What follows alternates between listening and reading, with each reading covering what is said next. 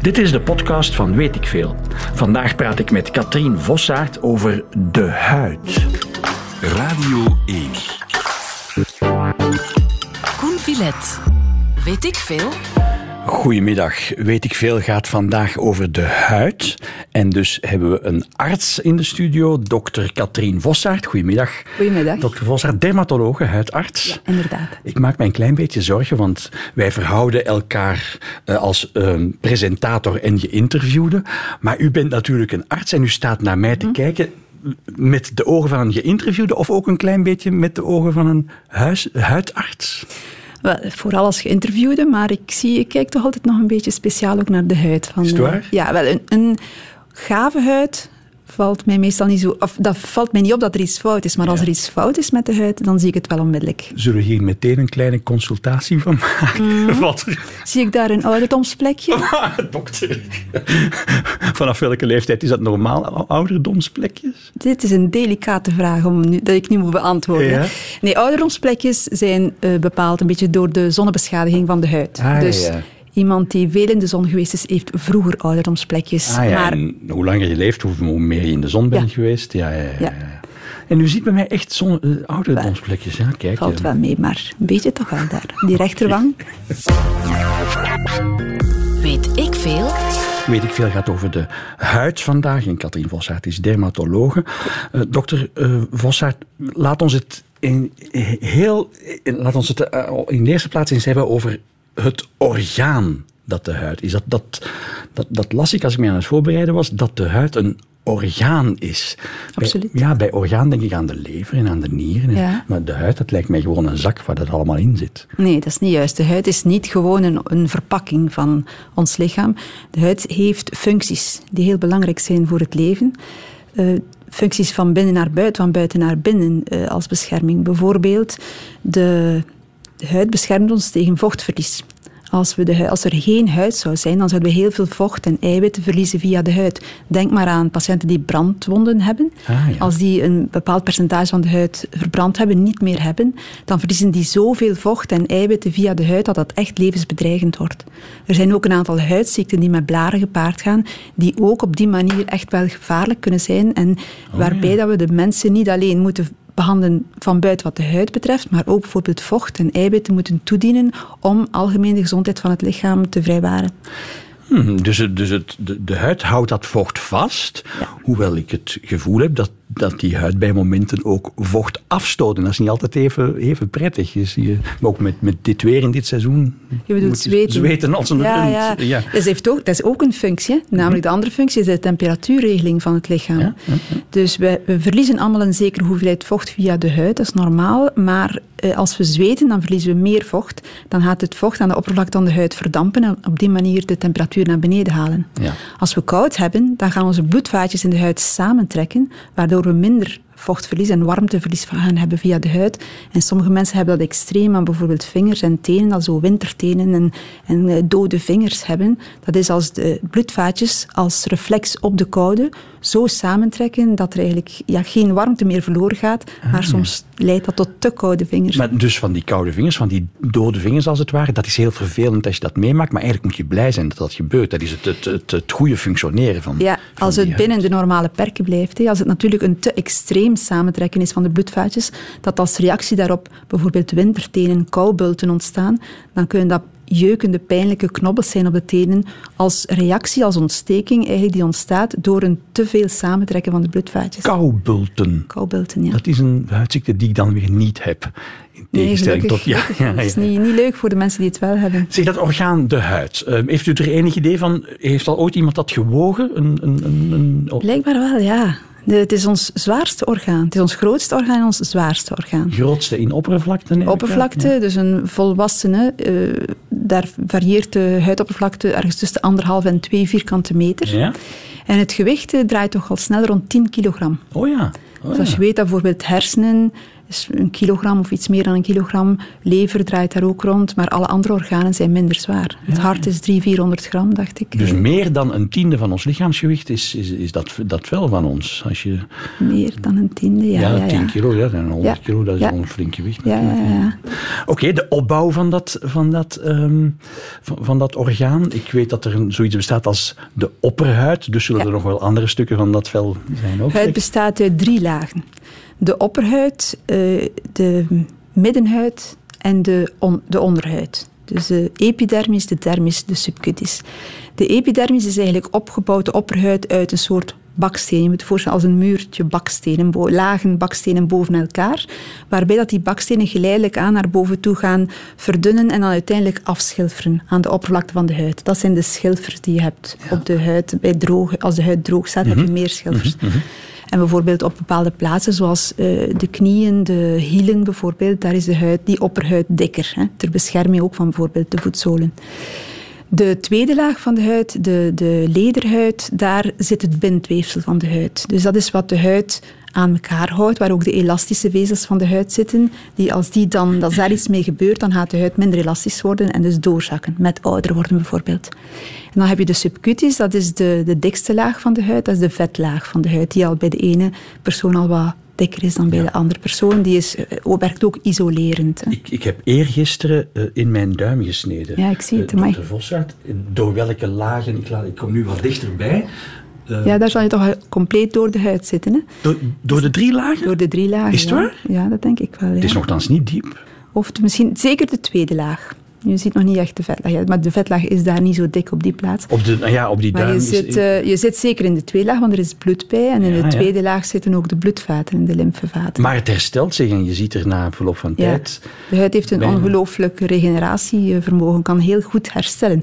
En dat is ook dankzij de huidaanhangsels. De wat? De huidaanhangsels of. Dat, zijn- huidannexen, dat ja. is wat er aan de huid vasthangt langs binnen, maar dat aan de oppervlakte van de huid uitmondt.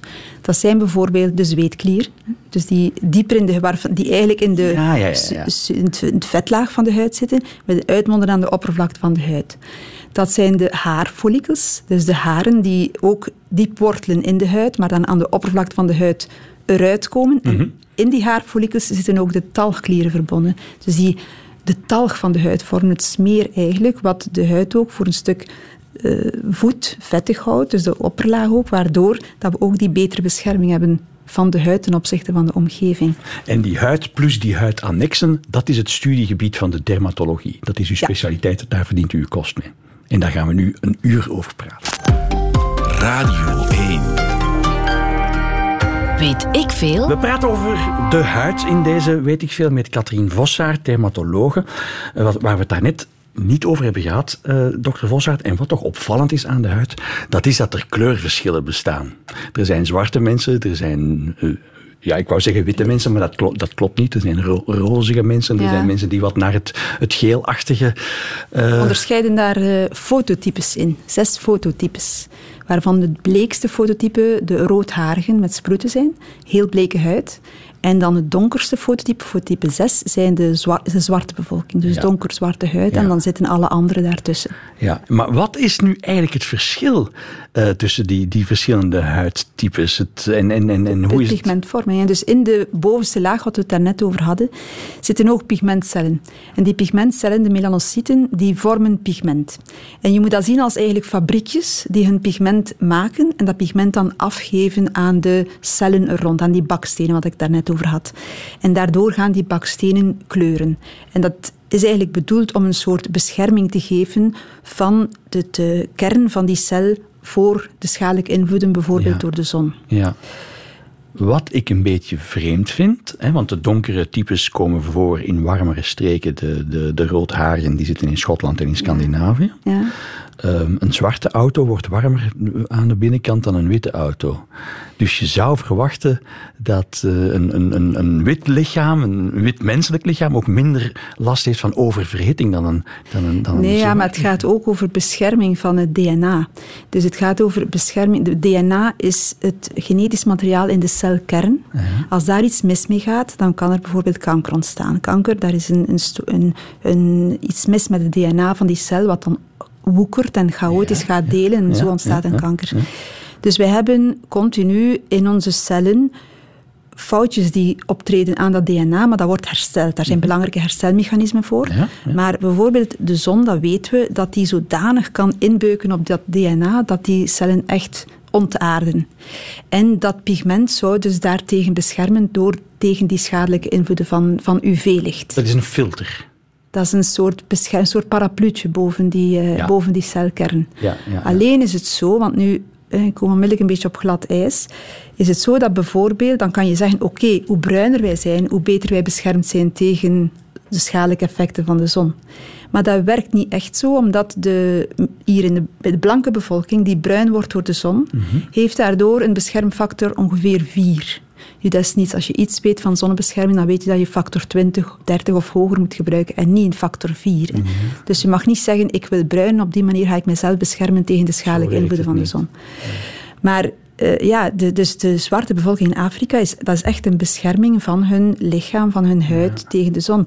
En eh, ja, als je dan spreekt over de roodharige bevolking in Ierland bijvoorbeeld, je weet, in een paar honderd jaar geleden zijn die massaal eh, geëmigreerd of, of uitge, eh, weggevoerd naar Australië en die streken, ook de gedetineerden Ja, ja, vaak als veroordeling ook. Hè? Ja, ja, ja. Dus daar is een ganse bevolking roodharigen. En dat is echt ja, een, een heel erge situatie. In Australië is de hoogste frequentie van huidkanker en van zonnebeschadiging. Omdat daar zoveel van die roodharige mensen blootgesteld zijn aan die sterke zon in Australië. Met dan nog die verdunde ozonlaag. Dus ja, de, de, de huidtype speelt wel een rol in hoeveel beschadiging je kan oplopen door de zon. Ah, ja. En dus mensen met hoe donkerder je huid van nature is, hoe minder vatbaar je bent voor huidkanker. Een beetje wel, ja, inderdaad. Dus de bleke huidtypes hebben meer risico voor... Dat is een risicofactor, een heel bleek huidtype. Anderzijds is het zo dat mensen met een donkerder huidtype, dan spreken we over blanke mensen, maar die gemakkelijk bruin in de Ja, zon, ja, ja. dat die een vaak zichzelf niet beschermen. En dat dan toch wel... zijn. Ja, die beschermen zich niet, want die verbranden toch niet. Mhm, mhm. Helaas is het niet alleen verbranden dat huidkanker veroorzaakt, maar ook het, de, de zonnestralen die doen bruinen. Hè. Dus op die manier zie je dan toch dat die mensen ook wel heel wat zonnebeschadiging kunnen op- oplopen met ouder worden en op die manier toch ook wel hu- eh, huidkanker kunnen krijgen. Ja, dus smeren, smeren, smeren. Niet alleen smeren. Zonnebescherming is veel breder dan alleen smeren. Hè. Dus je moet een beetje rekening houden met waar je bent. Ten opzichte van de evenaar bijvoorbeeld. Als je in Afrika bent, moet je meer gaan beschermen dan als je in Zweden bent. Eh, als het midden in de zomer is, hier toch in het noordelijk halfrond, is de zon ook sterker dan in de winter. Uiteraard, Als je eh, midden van de dag, dus twee uur, is hier nu het moment waarop de zon het hoogst staat. Dus daar moet je allemaal mee rekening houden van hoeveel je moet beschermen. En dan beschermen betekent gezond omgaan met, eh, omgaan met de zon. Niet alleen smeren, maar ook onder een parasol zitten. Ah ja, blijf eruit. blijf eruit. Hou een t-shirt aan. Ik denk dan bijvoorbeeld aan al die dakwerkers die in die sterke zon moeten werken. T-shirt snel uit. Die hebben echt wel veel risico van op hun rug huidletsels of huidkanker te gaan ontwikkelen. Dus hou die t-shirt liever aan. hè. Natuurlijk is het gemakkelijk gezegd voor mij hier van achter de Ja, ja. microfoon ten opzichte van die mensen die daar eh, Ja, bij 30, 35 Mhm, graden mhm. moeten werken. Maar toch, Geldt dat als beroepsziekte bij, bij bouwvakkers? ik weet het niet, maar het zou, ja, het zou, het kunnen, ja. ja. ja. Zeg, nu zitten we ook heel dicht bij het thema van de eh, zonnecentra hè, en, de, en, de zonne, en de zonnebanken. Hè, want u spreekt over de zomer en als het warm is en als het prettig is, maar in de winter kruip je onder de zonnebank. Ja, Ehm, waarom? Hè, waarom? Om esthetische redenen, dokter Wolsaert. Ja, wel, maar dan denk ik aan die patiënten die ik zie die eh 50 jaar zijn, al heel veel zonnebank gedaan hebben en die denken dat ze mooi zijn omdat ze een bruin kleurtje hebben in de winter, maar ik zie dan alleen hun rimpels en hun ouderdomsplekjes en een toch wel niet zo mooie huid meer door al dat UV-licht. Hè. De zon, want het zijn ook de mensen die in de winter zonnebank doen, die in de zomer echt gaan liggen bakken op het strand. Ja, hè. ja, die daar- Want die willen bruin zien. Dat bruin zien is zo'n fetish van... Maar ook u spreekt nu over, over esthetische dingen, hè, over die rimpels. Eh, maar ik, dacht dat, het u, dat u het over kanker zou hebben hoor, als gevolg van, van zonnebankgebruik. Ja, ook. Hè. Eh, ja, maar ik vroeg, u zegt van mensen doen zonnebank in de winter. Waarom? Om bruin te zien. Ja, maar ja. men denkt niet verder na. En inderdaad, het is bewezen. Hè. Er is geen discussie over. Het is bewezen dat zonnebank het risico op huidkanker verhoogt. Dus net zoals sigarettenroken het risico op longkanker verhoogt, verhoogt zonnebank het risico op huidkanker. Met enkele met procenten na de komma of met fundamenteel? Ik kan niet onmiddellijk cijfers citeren, maar er zijn toch verschillende studies nu die aangetoond hebben dat het risico toch substantieel verhoogd is. Ja. Dus het is niet voor niets dat men daarvoor zo waarschuwt. Moet men daarom zonnebanken verbieden? Ik denk dat mensen zelf toch een beetje een verantwoordelijkheid kunnen opnemen, daar een keuze in maken, maar ze moeten het wel weten. hè. Als zonnebanken een verpakking zouden hebben, zou je daar foto's moeten opzetten van mensen met huidkanker. Wel, men stelt daar nu toch voor van een plakkaatje in een zonnebank zijn van dit kan kanker veroorzaken. Nu, ik, wil, ik hou van de zon. Hè. Ik, ik, vind echt, ik, ik ga niet zeggen dat je in de zomer eh, in je kelder moet gaan kruipen om geen schadelijke zon op je huid te hebben. We hebben de zon ook nodig voor ons moraal, voor een aantal andere gezondheidsaspecten. Maar waarom wij leven in een noordelijk land, waar er, of toch een relatief noordelijk land, waar er niet het hele jaar door zon is? Waarom zouden we dan tegen de natuur ingaan en in de, zo- in de winter onder de zonnebank gaan kruipen? Radio 1. Weet ik veel?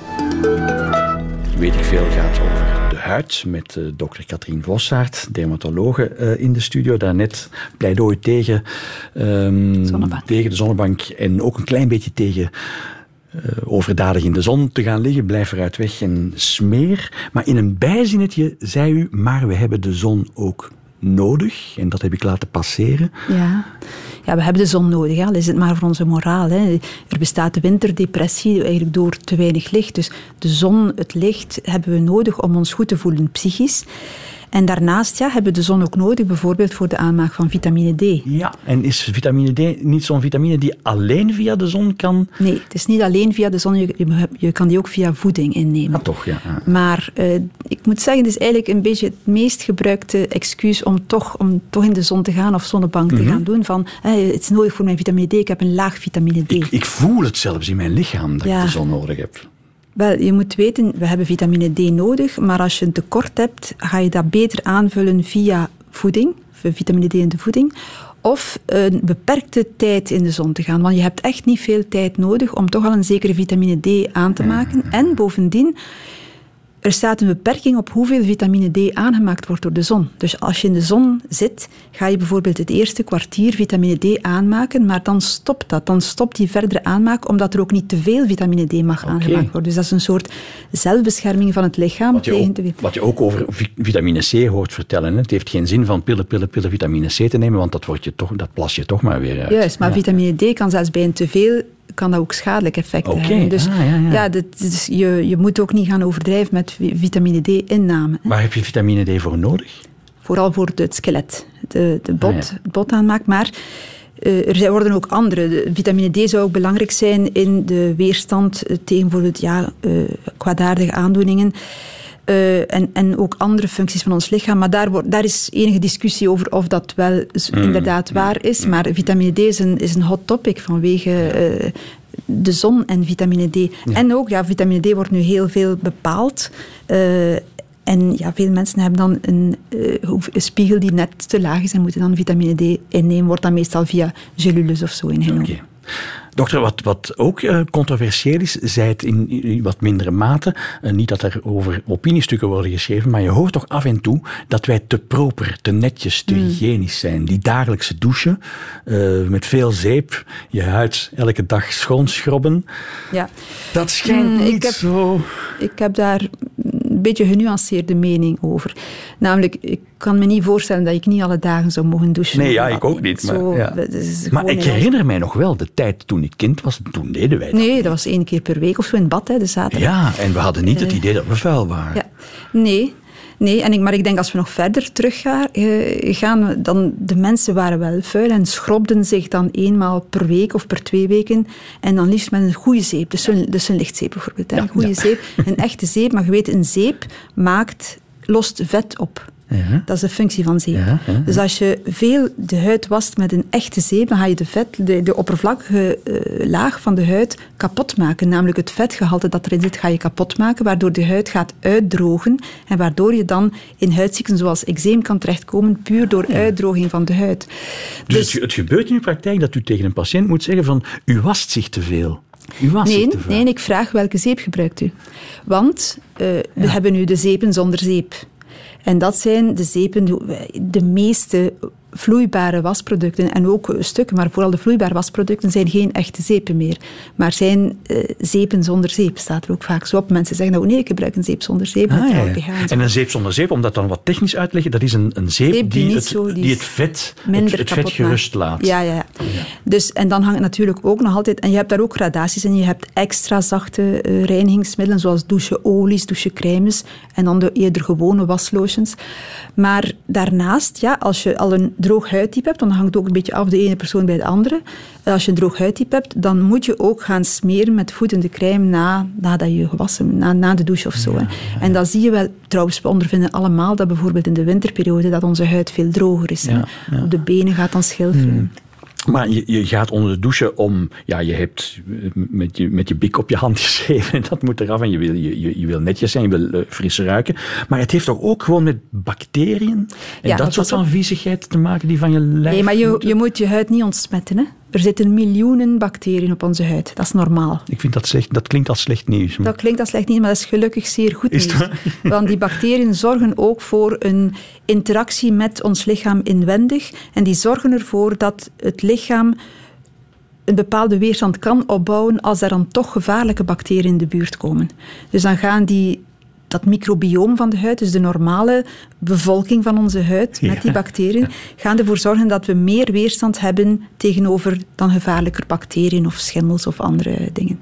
Dus hetzelfde gebeurt ook in de darm. Hè. Dus de, de, bacteriën in ons lichaam spelen een belangrijke rol. Maar natuurlijk, er zijn, ook, sorry, er zijn ook schadelijke bacteriën die bijvoorbeeld, ik heb bij, bij kinderen de, die huidziekte impetigo, waarbij men zo grote gele korsten rond de mond en dan ook de rest van het lichaam.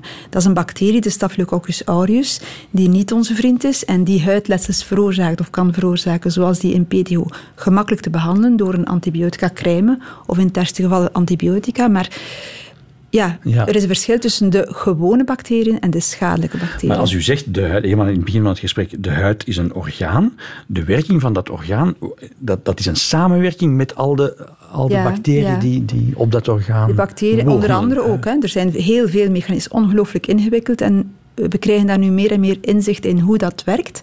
Maar de bacteriën gaan uh, in onze huid mechanismes in gang zetten die ons een bepaalde weerstand verlenen tegen schadelijke effecten. Ja, want ook daar denk ik dan aan overdreven hygiëne. Je hebt van die handcrèmes met alcohol in, die dan antibacteriële... ja. Ja, ja, ja, ja. Zo echte ontsmetting, ik denk dat je dat nodig hebt. bijvoorbeeld in ziekenhuizen, waar waar verplegend personeel en artsen in contact komen met bacteriën en die niet mogen overbrengen naar de volgende patiënt. Dus daar is handhygiëne heel belangrijk.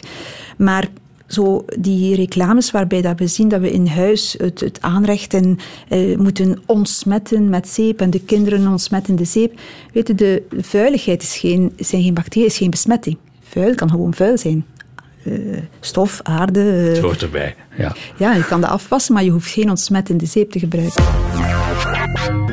Weet ik veel? We hebben het in uh, Weet ik veel over de huid met dokter Katrien Vossaert. We hebben denk ik een zeer belangrijke functie van de huid over het hoofd gezien, dokter Vossaert. Dat is namelijk de tastzin. Dat, ja. dat, dat doe je met je huid. Hè. Pijn, ja. pijn en, en jeuk, daar wil ik het ook zeker nog over hebben. Ja. Um, dus in de huid zitten heel veel zenuwen, zitten daar speciale cellen in de bovenste laag van de huid die heel fijne gevoelens kunnen opvangen en dat ja. dan doorgeven aan het ja. zenuwstelsel.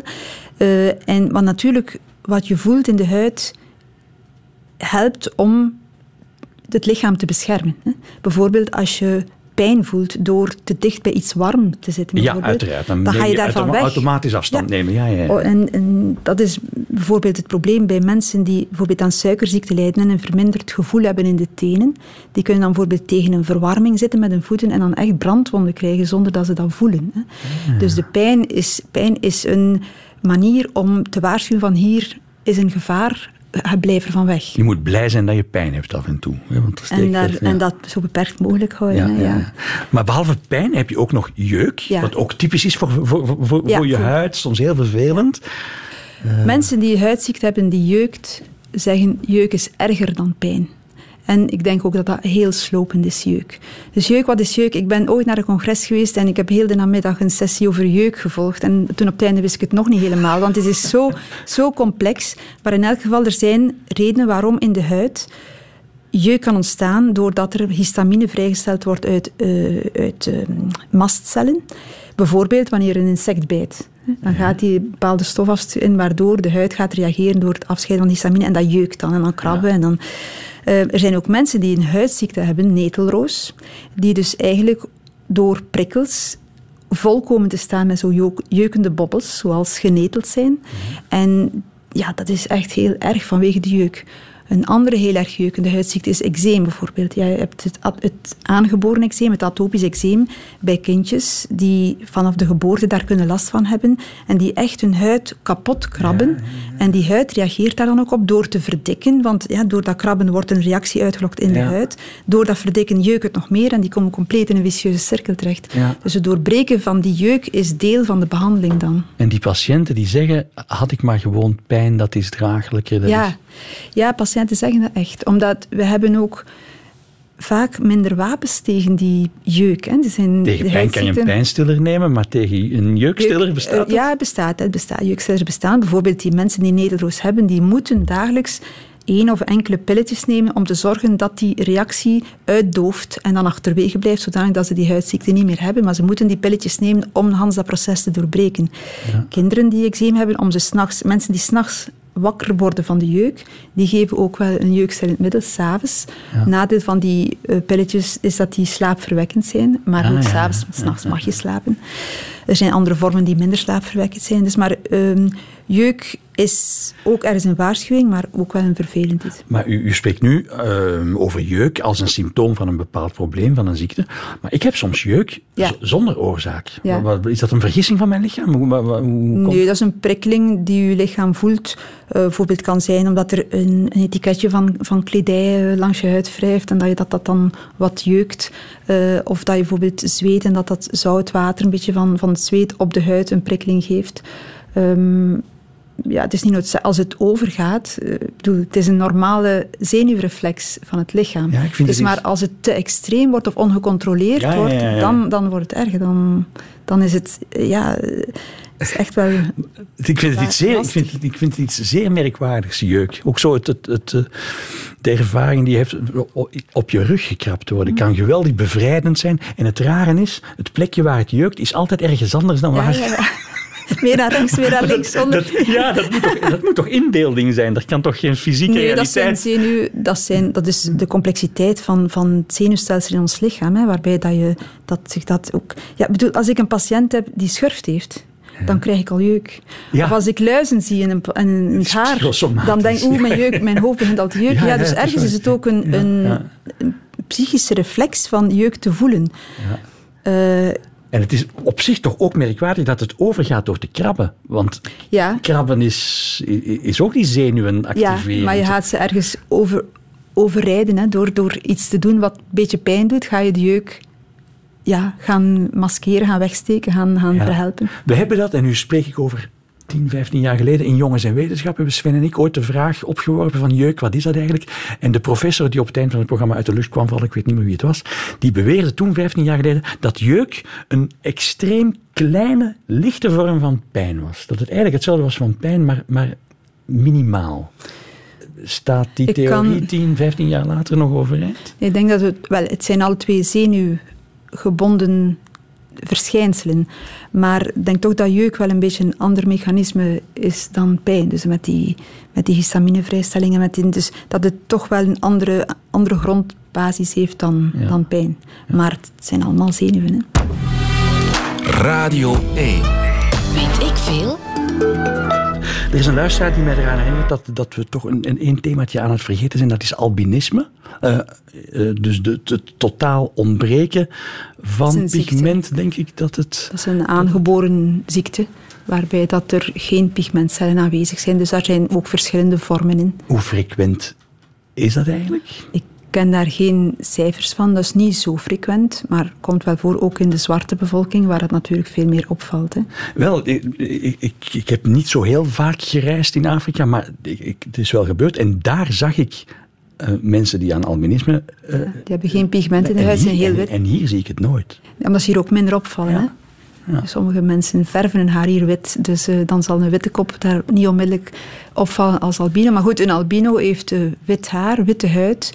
Rode, uh, rode ogen. Ja, ja, dus geen pigmento in de haarwortels, in de huid en de ogen niet. Ja. En moet dus binnen blijven moet zich, moet zeer, ja, wel, moet zich zeer goed beschermen. Daar is een zeer gemakkelijke zonnebeschadiging, maar ik denk met de producten die we nu hebben van zonnecremes, dat die zich ook wel kunnen beschermen. Hè. Ja. Dus we hebben toch wel hoogbeschermende zonnecremes. Dokter, ik ga nog eens even um, um, persoonlijk worden. Um, ik ben een man. Ik ben een typische man. Ik heb geen crèmpjes en, en, en zalfjes en nee. dagcrèmpjes en nachtcrèmpjes. Hoe zit het daarmee? En, en, en ook als je vrouw bent.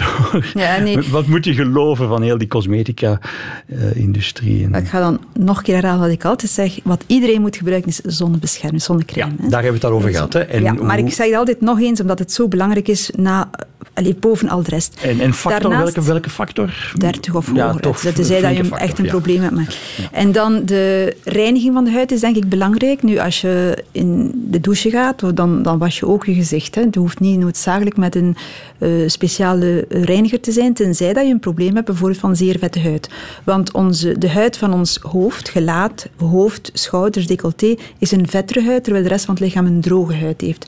Dus vandaar ook bijvoorbeeld de hoofd, de, het haar, mag je, niet wassen, mag je niet altijd wassen met een babyshampoo, want dat is veel te zacht, dan ontvet je de hoofdhuid niet. En dan kan je roos krijgen, schilfers krijgen, vettig eczeem krijgen. Ah, het gelaat, sommige mensen, en zie ik daar misschien bij jou ook zo'n beetje, die, die lichte roodheid, schilfering op het voorhoofd. Ja, ja, ja. ja. Dat is um, vettig eczeem. En vettig eczeem wordt vaak veroorzaakt door stress. Is het waar? U kan aan mijn huid zien dat ik onder stress sta? Beetje wel. Ja, zo'n programma is niet niks. Nee, nee, nee. Ja, oké. Okay. Uh, maar goed, de, dat is een uitlokkende factor voor dat soort eczeem. En zeker bij mensen die daarvoor beschikt voor zijn, namelijk die een zeer vette huid hebben. Ja. En dan kan het helpen om dagelijks een verzorging te doen met bijvoorbeeld een zeep die iets meer ontvet. De huid speciaal te reinigen met een meer ontvettende zeep. Ja. En dan een crème te gebruiken die wat vetregulerend werkt. Dus die vetproductie van de huid wat onderdrukt. Waardoor dat je minder gemakkelijk opstoten zal Ja. hebben van dat soort eczeem. Of ik zou ook een minder stresserend programma kunnen gaan Ja, dat is, ja, dat uh, is ook Maar dus zowel voor mannen als voor vrouwen, het is niet allemaal flauwekul wat er in die uh, dermatologische, uh, nee, nee, in, die, Nee. in die cosmetische Ja, producten. pas op. Er is natuurlijk heel veel ehm, marketing en, en eh, wel commercie bij. Ik bedoel, als iemand van 20 jaar mij komt vragen van dokter, wat moet ik doen om geen rimpels te krijgen? Ja, ja, ja. Dan denk ik van, oh, dat is toch wel het effect van heel die hype rond, rond de huidveroudering. Dan zeg ik zonnebescherming. Hè. De belangrijkste Ja, oorzaak van ja, Dus doe dat en voor de rest verzorg je huid goed. Niet te vettig. Ik vind dat heel vaak de fout gemaakt wordt van te vettig te gaan met de huidverzorging. Omdat men denkt van, we moeten de huid gaan gladstrijken, de rimpels gaan opvullen met, met een vette crème. Dat is niet zo. Hè. Rimpels komen van binnenuit, eh, worden die gevormd en die gaan niet door vet op de huid aan te brengen verbeterd worden. Integendeel, daardoor verstopt de huid, krijg je onzuiver huid, meeeters, puistjes enzovoort. Dus maar iemand dat wordt mij soms een, een echtgenote met haar man op consultatie. En dokter, mijn man smeert nooit iets. Hij moet toch wel iets smeren, hè? Dan zeg ik, hoeft niet echt als hij geen probleem heeft. Hij mag, als hij iets smeert, dan zou ik dit of dit aanraden. Ja, En voor dames, ja, die gaan al sneller toch wel willen, ook omdat die zich vaak meer maquilleren. Dus die maquillage, dat moet gereinigd worden. Eh, als, je, als je reinigt, droog, droog je de huid toch een beetje uit. Dan moet je gaan hydrateren ook. Dus op die manier is voor dames wel vaak meer nodig om een dagelijkse verzorging te doen. We hebben een uur lang over de huid gepraat. U weet daar alles over. U wist daar een uur geleden alles over. Ik heb veel bijgeleerd, denk ik, maar heb ik het onthouden? We gaan, eh, sommige mensen noemen het een quiz, sommige mensen noemen het een examen. We gaan examen doen. Ja, oh, dat is het leuke deel voor mij. U Hè? heeft een aantal vragen voor mij, ja. Noem mij een bestanddeel van de tweede huidlaag. Of hoe noemen we die tweede De, huidlaag? le- de lederhuid. Juist. Waarom? Waarom we die de lederhuid noemen, dat weet ik niet meer. Omdat daar dat bindweefsel in zit en die Juist. elastinevezels. Ja, in. dat, dat, dat was ik vergeten. In welke laag van de huid zitten de pigmentcellen? Die fabriekjes die dat pigment vormen. Eh, die, zitten die niet... Oh, ik weet het niet meer. Ik ga, ik ga gokken dat die heel, dat die heel diep... eh, nee, ik- is Zo'n zoemer. Nee, die zitten heel oppervlakkig, omdat Ah, ja. die juist dat pigment afgeven aan die, die bakstenen, die bovenste laag, Ah, om ja, toch een beetje te beschermen, Oké. tegen, theoretisch Hmm. dan te beschermen Ja, tegen de oké, zon. Dus ja, dus nog voorlopig nog niks. Ja. Twee op vijf fout. Hmm. Waarom is het niet goed om je te vaak met zeep te wassen? Omdat eh, de, de vetlaag van de huid functioneel is en die haal je eraf met, eh, met een, een zeep. Dat mag niet. Perfect. Noem één huidaanhangsel. De, de zweetklieren bijvoorbeeld. Zeer goed. En dan de moeilijkste vraag. Ja. Wat is een koubult? Een koubult, eh, wa- wacht even, hè. dat kan je op je voeten bijvoorbeeld krijgen als je ehm, ehm, bloedvaten te sterk reageren op koude. Bij koude eh, trekken de voet de, de, de, de bloedvaten samen, zodanig dat je minder eh, afkoelt. En als dat te sterk gebeurt, dan kan je, hoe heet het, koubulten krijgen. Perfect. Ik geloof dat ik Drie op vijf. drie op vijf heb gescoord, dat ik geslaagd ben als, als dermatoloog. Radio 1. Weet ik veel? Uit deze uitzending van Weet ik Veel onthoud ik dus de koubulten, de eh, huidannexen en toch ook het vettig stressexeem waaraan ik lijd. Dok- Dokter Vossaert, bedankt voor uw komst. Ik vond het zeer interessant. Weet ik veel? Dit was een podcast van Weet ik Veel. We hebben er een hele reeks. En in de zomervakantie kan je Weet ik Veel op Radio 1 beluisteren. Elke weekdag tussen 12 en 1.